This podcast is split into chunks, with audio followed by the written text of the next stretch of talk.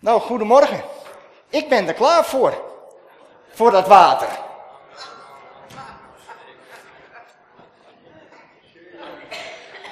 Hoe is het met u?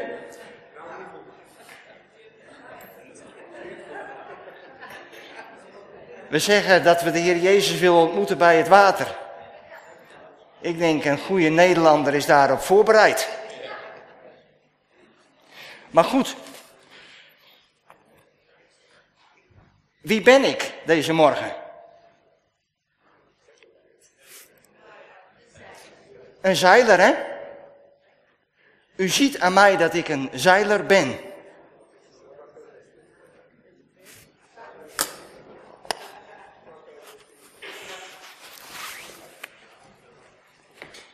Wordt dat nu meer of minder? Ben ik nu een minder een zeiler of meer een zeiler? Meer? We gaan net zo lang door hoor. Minder hè? Ja. Nu ineens word ik minder een zeiler.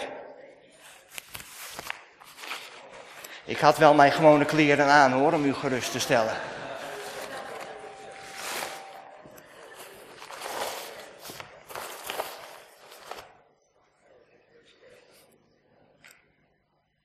Ben ik nou een zeiler of ben ik nou geen zeiler?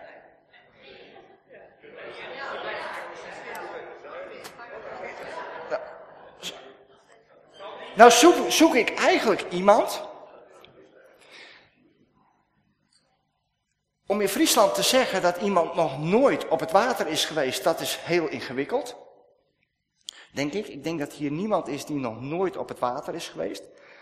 Maar misschien is hier wel iemand die nog nooit gezeild heeft.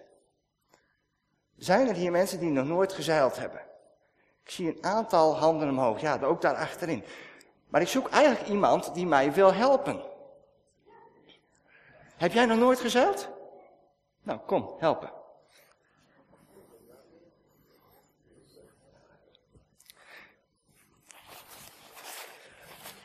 Die mag je aandoen. Ja, dat maakt niet uit. Dit helpt wel tegen het water.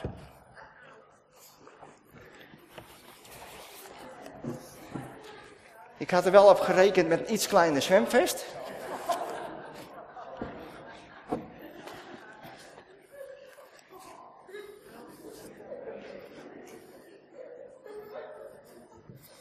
Ja, dit gaat hem wel worden hoor. Jij wordt niet nat. Die er ook maar bij.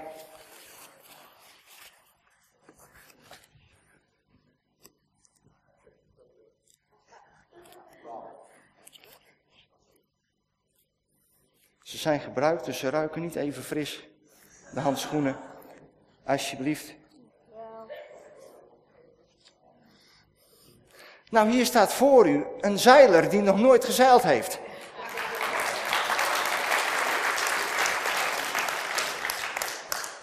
Super. Gefeliciteerd. Ja, je mag het even aanhouden. Je mag het ook weer uitdoen hoor. Voel je vrij. Dankjewel voor je hulp. Ziet u wat hier gebeurt? Ik kom hier binnen. Ik ben een zeiler in hart en nieren. U ziet dat aan mij door mijn kleding. Die kleding bepalen wie ik ben. Want het eerste wat gezegd werd, was dat ik een zeiler was. Toen heb ik iemand hier uit de zaal gevraagd die nog nooit had gezeild. Die deed dezelfde kleren aan. En terwijl hij dezelfde kleren aan had, veranderde eigenlijk zijn identiteit. Want jullie zagen het in één oogopslag. Er stond hier ineens een zeiler voor u. Maar de vraag is of dat in essentie zo is. Ben ik meer of minder zeiler door de kleren die ik aan heb? En was die prachtige parel die mij geholpen heeft, was die nou ineens veranderd in een zeiler?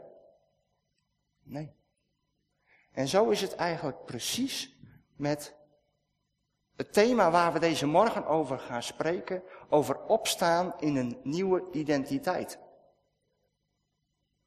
Ik wil heel graag met jullie gaan nadenken over wat het betekent om de stap in geloof te doen om je te laten dopen. Om je te laten onderdompelen in water.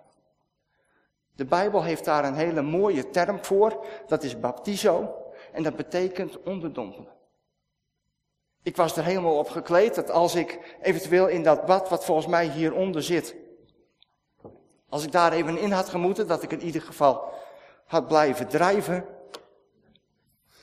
Want ja, dat gevaar loop je als je gaat onderdompelen. Maar ik kan me zo voorstellen dat als we daar vanmorgen zo over nadenken, dat er allemaal vragen leven.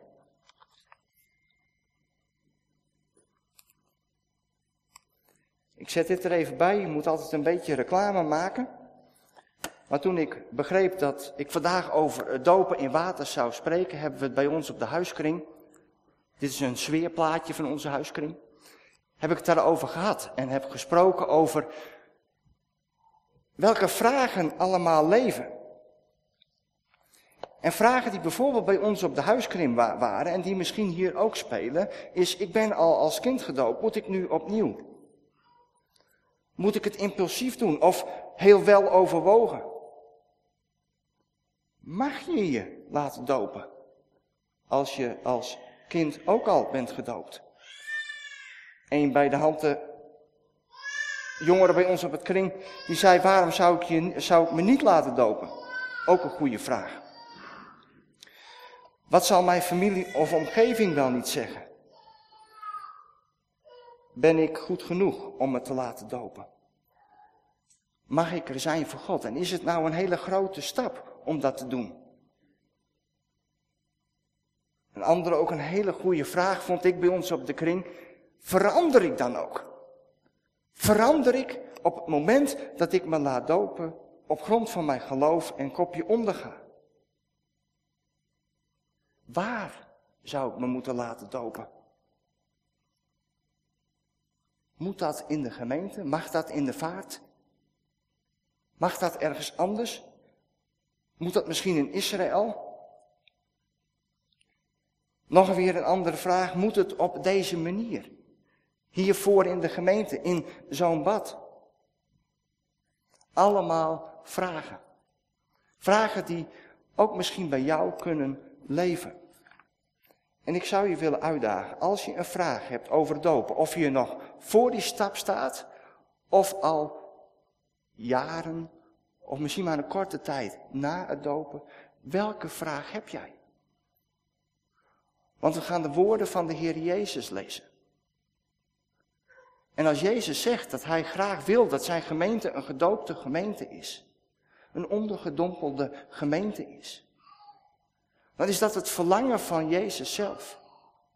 En op het moment dat dat het verlangen is van Jezus zelf, waar zou je dan met je vragen naartoe moeten?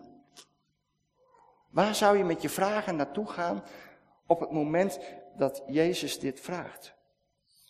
Ik zou ermee naar Jezus gaan. Welke vraag leeft bij jou? En dan aan vader stellen, zodat hij antwoorden gaat geven. Misschien komt het hier ook wel eens voor. Dat iemand een vraag stelt. Ik merk dat thuis wel eens bij mijn kinderen. Op het moment dat ik als vader hun een vraag stel, gaan ze met elkaar overleggen en met elkaar de antwoorden geven. Dan zeg ik, hé, hey, dat is gek. Ik stel jou een vraag en ik wil ook graag een antwoord. Maar in plaats van dat ik een antwoord krijg, gaan zij alle kanten op en met anderen daarover praten. En uiteindelijk heb ik geen antwoord, maar zij zijn er een dag mee bezig. En het is net alsof dat ook wel eens zo is als wij het hebben over dopen. En daarom de uitdaging van vanmorgen om, als je een vraag hebt, of je nog voor die stap staat of daar al na, wat Welke vraag heb je aan vader? We gaan lezen een hele krachtige tekst, Colossense hoofdstuk 2, vers 8 tot 15. Komt ook op het scherm, dus u kunt meelezen, maar ik lees het u voor. Colossense hoofdstuk 2, vanaf vers 8. Wees op uw hoede en laat u niet meeslepen door holle, misleidende theorieën die op menselijke tradities zijn gebaseerd en zich richten op de machten van de wereld en niet op Christus. Want in Hem is de goddelijke volheid lichamelijk aanwezig. En omdat u één bent met Hem, het hoofd van alle machten en krachten, bent u ook van die volheid vervuld. In Hem bent u ook besneden, niet door mensenhanden, maar met het besnijdenis van Christus, door het afleggen van het aardse lichaam. Toen u gedoopt werd, bent u immers met Hem begraven. En met Hem bent u ook tot leven gewekt omdat u gelooft in de kracht van God die hem uit de dood heeft opgewekt. U was dood door uw zonden en door uw onbesneden staat. Maar God heeft u samen met Christus levend gemaakt toen hij ons al onze zonden kwijtschold. Hij heeft het document met voorschriften waarin wij werden aangeklaagd, uitgewist en het vernietigd door het aan het kruis te nagelen. Hij heeft zich ontdaan van de machten en de krachten. Hij heeft hen openlijk te schande gemaakt en in Christus over hen getriomfeerd. Wat een krachtige tekst. En wat zegt dit veel over wie wij in de Heer Jezus zijn? Waar onze identiteit ligt. Het is heel bijzonder en we zoomen zo nog even wat dieper in op deze tekst. Maar het is heel bijzonder om te zien hoe de apostel Paulus als het ware speelt met de verleden tijd, het heden en de toekomende tijd in deze tekst. Maar eerst wil ik een ander accent leggen.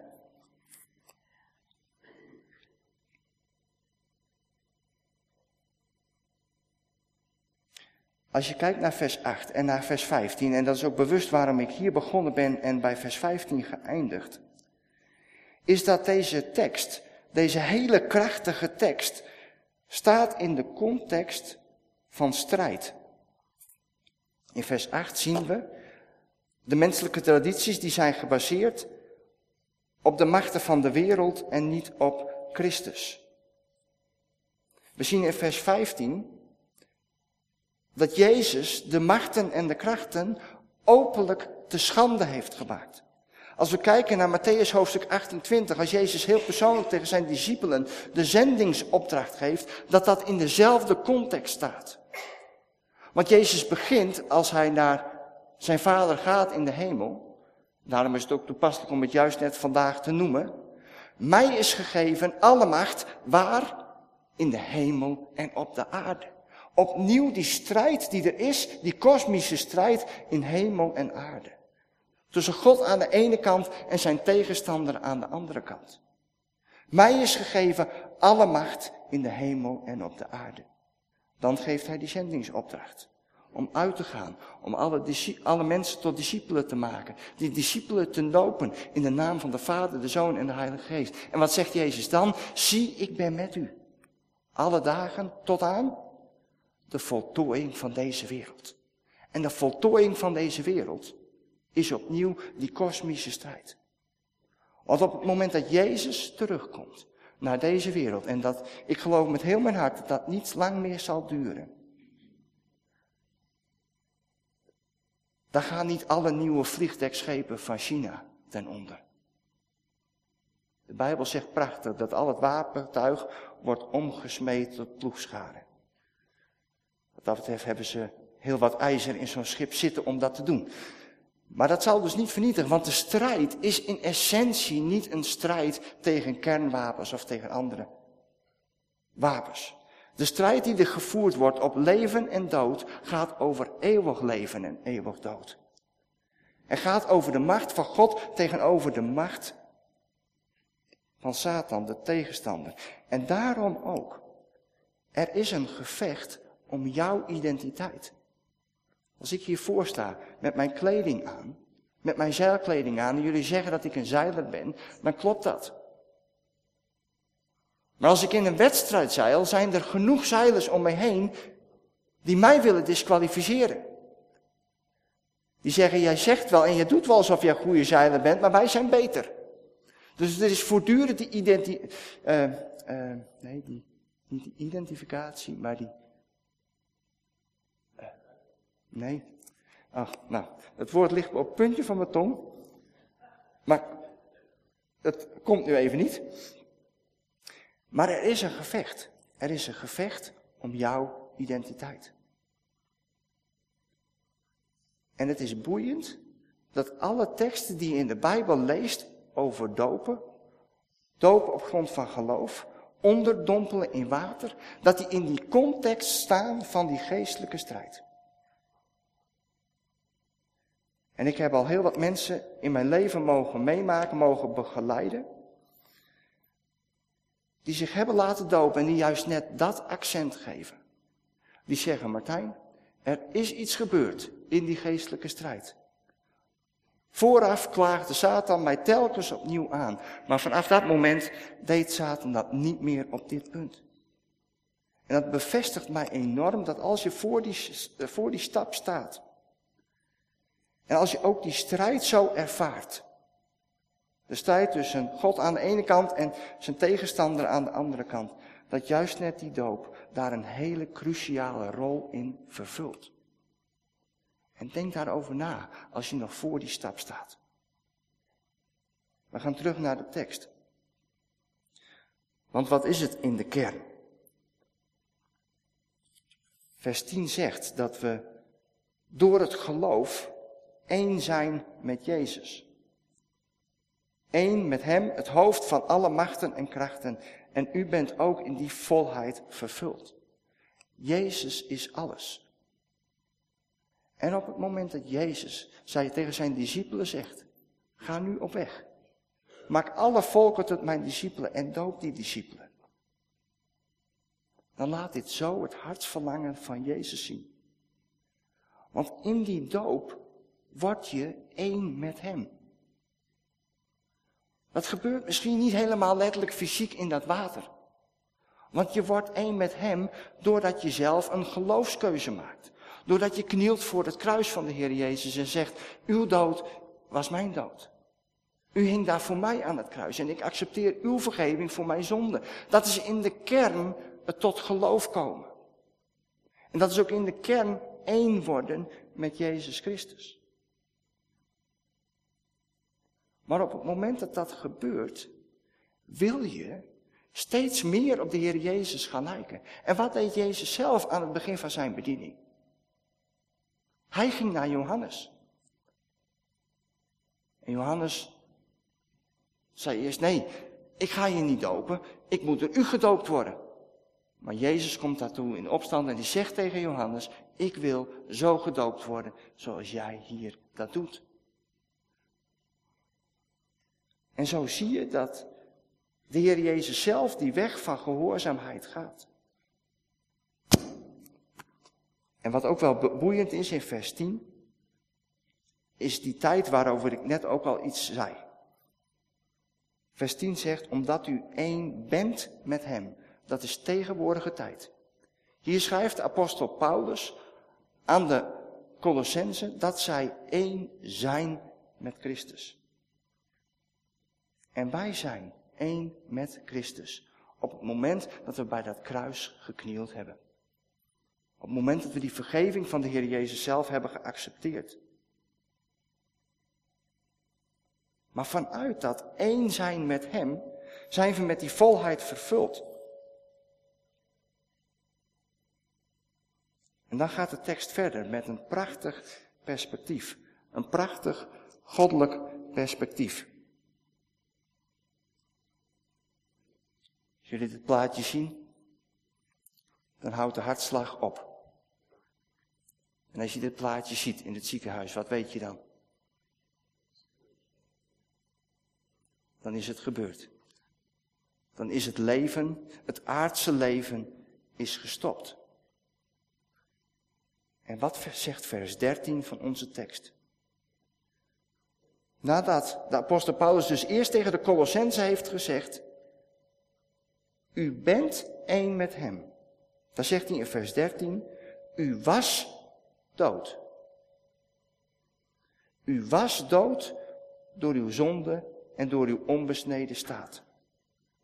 Maar, maar God heeft u samen met Christus levend gemaakt.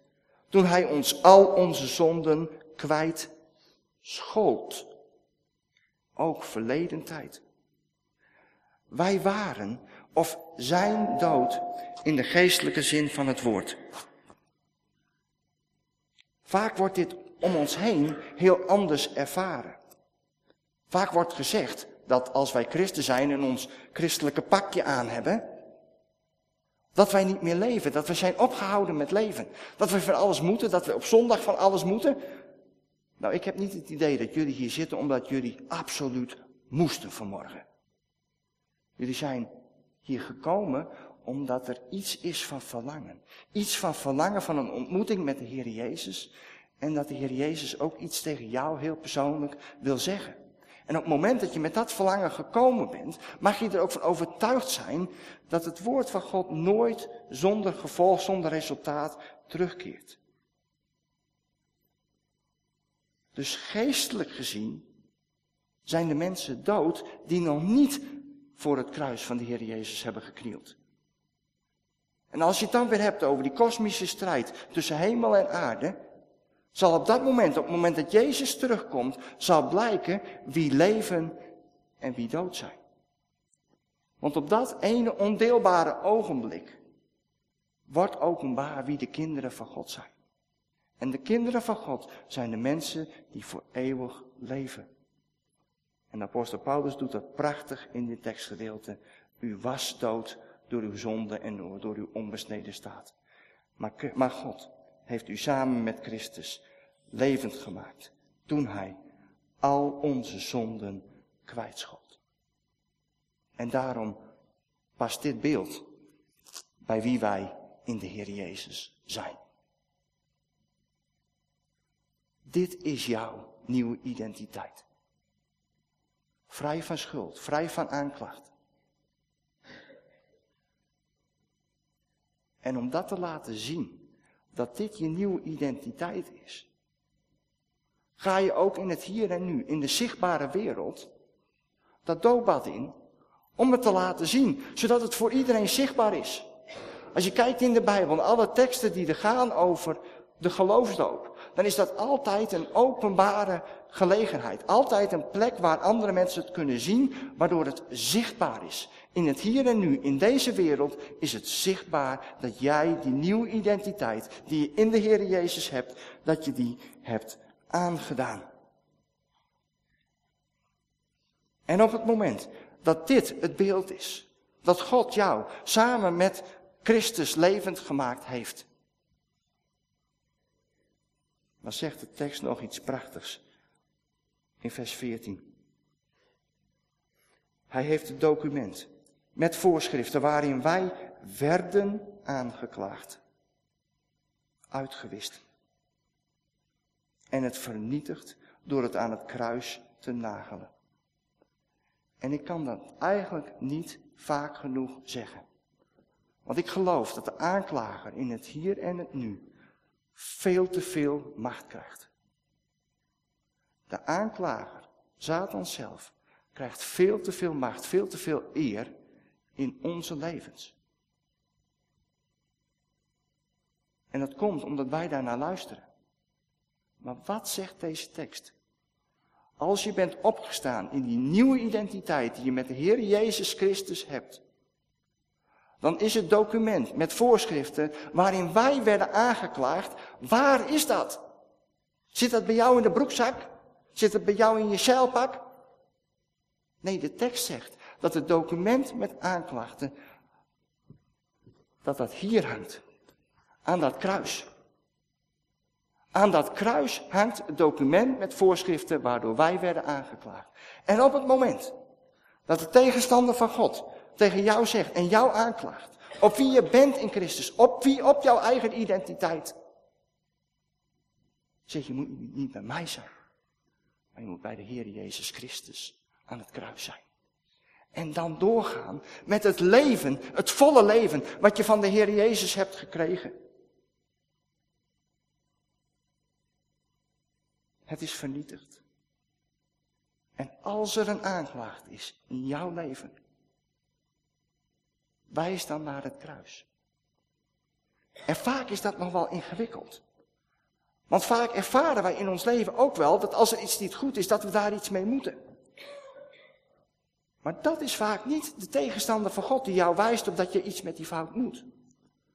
Dat je iets moet herstellen. Dat is vaak de roepstem van de Heilige Geest. En dan komt het heel dicht bij elkaar.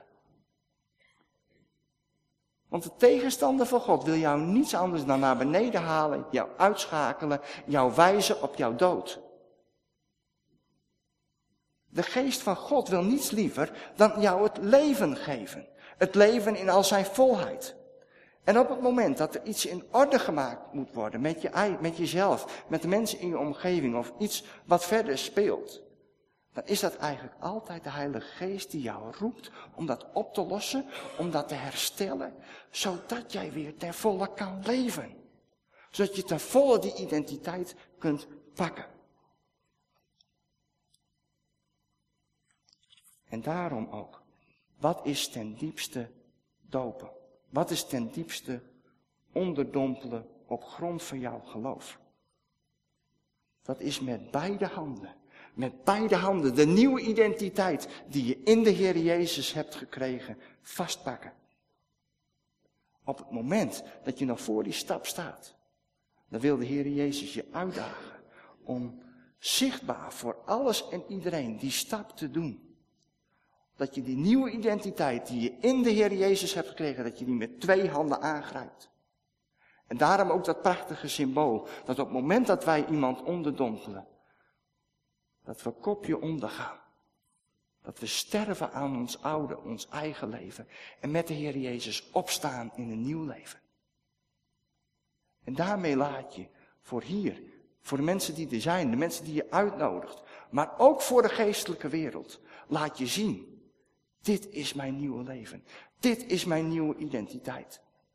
En ik grijp het met beide handen aan.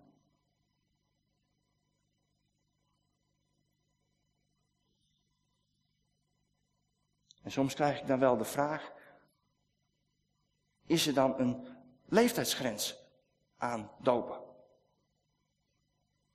Zou er een leeftijdsgrens zijn voor het knielen bij het kruis van de Heer Jezus? mag je pas vanaf een bepaalde leeftijd tot geloof komen.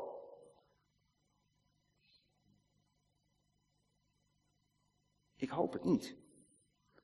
Maar als je kijkt naar de Bijbel, dan zie je wel een aantal stappen van groei beschreven die te maken hebben met je identiteit.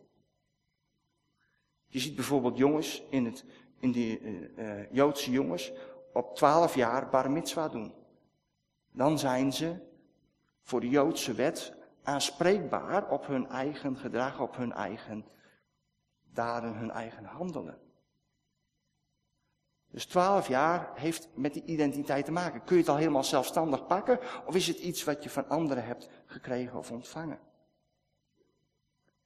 Een ander mooi bijbels getal is de leeftijd van 21. Vanaf de leeftijd van 21 wordt iedereen voor vol aangezien, bijbels gezien. Wij hebben hier in Nederland hebben we stemrecht als je 18 bent. In het Israël van het Oude Testament werden mensen vanaf 21 voor vol aangezien. Dus als je nou voor die stap staat en denkt van nou, wat is een goede leeftijd? Ik denk ergens tussen 12 en 21. En dat zie je statistisch gezien ook, dat in die leeftijd verreweg de meeste mensen een keus voor de Heer Jezus maken. En daarom is kinderwerk en jeugdwerk in een gemeente ook zo fundamenteel.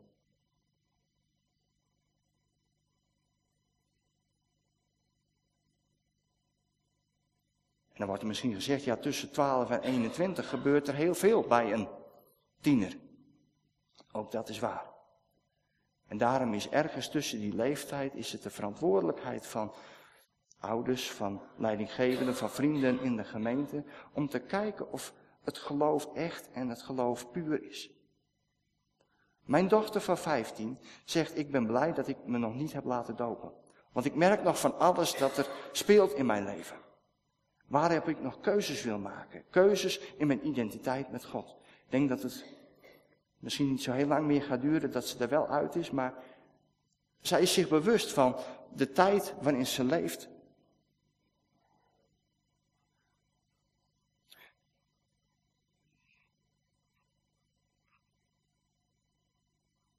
Ik vond dit een mooi plaatje. Heel vaak hebben wij dat gedicht van voetstappen aan het strand. Dat in hele moeilijke tijden God jou heeft gedragen. Daar wil ik niks aan afdoen. Dat is een enorm krachtig en waardevol gedicht. Maar ik vond dit plaatje wel heel mooi passen bij het opstaan in een nieuwe identiteit.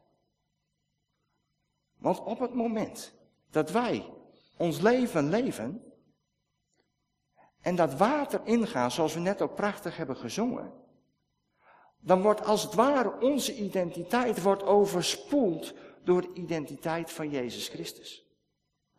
En dan verdwijnen jouw eigen voetstappen, maar verdwijnt jouw leven eigenlijk in de oceaan van genade, de oceaan van liefde, maar ook in die oceaan van kracht waarvoor Jezus staat. En op het moment dat je dat zegt, ik wil dat met volle handen, met beide handen aangrijpen. Dan nodigt de Heer Jezus zelf jou uit. Om die stap te doen op grond van je geloof. Om je te laten dopen. En nou zitten hier misschien mensen die nog voor die stap staan. Zometeen doe ik een oproep, gaan we bidden. Gaan we kijken of God tot je hart heeft gesproken. En als het je helpt om vandaag dat ook zichtbaar te maken, mag je tijdens die oproep je hand omhoog steken. Maar er zullen hier ook heel veel mensen zijn die zich misschien al jaren geleden gedoopt hebben. Hebben laten dopen. Maar dat is ergens ook merken, ik ben mijn identiteit wat kwijt. Dit plaatje staat niet meer symbool voor mijn leven. Ik ben niet ondergedompeld meer in die oceaan van genade, liefde en kracht. Maar dat zou ik zo graag weer willen. Dan is deze morgen ook voor jou de uitnodiging om jouw nieuwe identiteit opnieuw te pakken. Als het ware die nieuwe identiteit van het zwemvest weer aan te doen. Iets wat diep van binnen er al lang zat. Maar dat het ook voor jou weer zichtbaar wordt. Ook dan is die uitnodiging voor jou. Ik hoop dat als je aan het begin van deze toespraak een aantal vragen hebt gesteld aan God als Vader, dat je inmiddels antwoorden hebt gekregen. En dat je ook gemotiveerd werd, wordt om die keus, die Jezus zo graag wil, om die deze ochtend te nemen. De keuze om op te staan in je nieuwe identiteit. Zullen we bidden.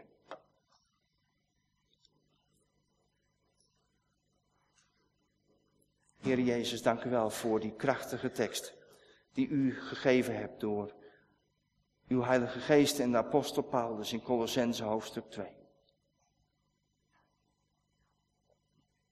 Dank u wel dat er een nieuwe identiteit ligt voor iedereen die knielt bij het kruis.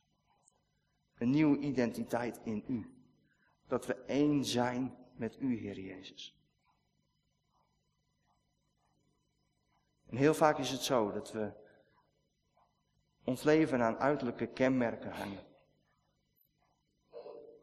Dat als we in een zeilpak staan, dat we dan opeens een zeiler zijn. Maar Heere God, hier zijn zeilers in ons midden. Die vanochtend niet de zwemvest aan hadden. En Heere, zo is het ook geestelijk gezien. Hier zijn mensen deze morgen aanwezig, die nog niet ten volle de identiteit die u voor hen hebt, hebben gepakt, hebben aangetrokken en daaruit leven. Heer, terwijl uw uitnodiging zo helder, zo duidelijk en zo krachtig is. En daarom, heren, wil ik ons met elkaar in die gelegenheid stellen. Om ons vandaag toe te wijzen aan u. Een eerste vraag. Voor mensen die nog voor die stap staan om zich te laten dopen op grond van hun geloof. Heeft Vader door zijn Heilige Geest deze morgen tot je hart gesproken? En dan mag je gewoon die keuze maken, die keuze in je hart. En dat mag je doen op dit moment.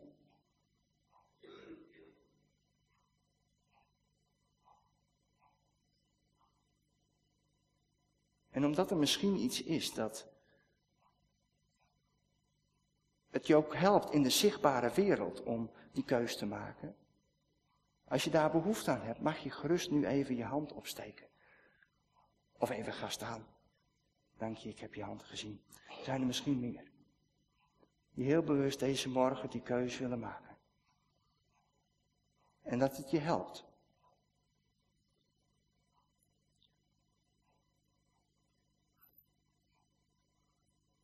Dank u wel, Vader, voor de keuzes die in het hart zijn gemaakt. Heren, werkt u dat verder uit. Heren, misschien zijn er hier ook mensen in ons midden. Die zich al een tijd geleden hebben laten dopen.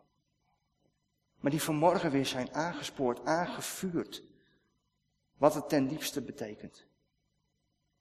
Heren, dat ze deze morgen zich opnieuw willen toewijden om dat leven in die nieuwe identiteit ten volle te pakken. Ook dan mag je nu daarvoor een keuze maken in je hart. En als het jou helpt om dat ook in de zichtbare wereld te laten zien, mag je ook je hand opsteken. Of even kort gaan staan. Dankjewel, ik heb je hand gezien. Heb jullie handen gezien? Dank u wel, heren, voor deze levensveranderende keuzes die gemaakt zijn deze morgen. Heer, en ik bid deze gemeente toe. Dat wij als gemeente, als open thuis, bekend zullen staan. Als mensen die zijn opgestaan in onze nieuwe identiteit, die wij van u hebben gekregen. Dat we krachtig zullen zijn in wie we in de Heer Jezus zijn. Tot zegen van elkaar. De mensen om ons heen, onze familie, vrienden, maar ook tot deze stad, deze omgeving. Geef dat vanaf dit moment er een keer zal zijn en dat er een verandering zal zijn. Ik bid dat in Jezus' naam. Amen.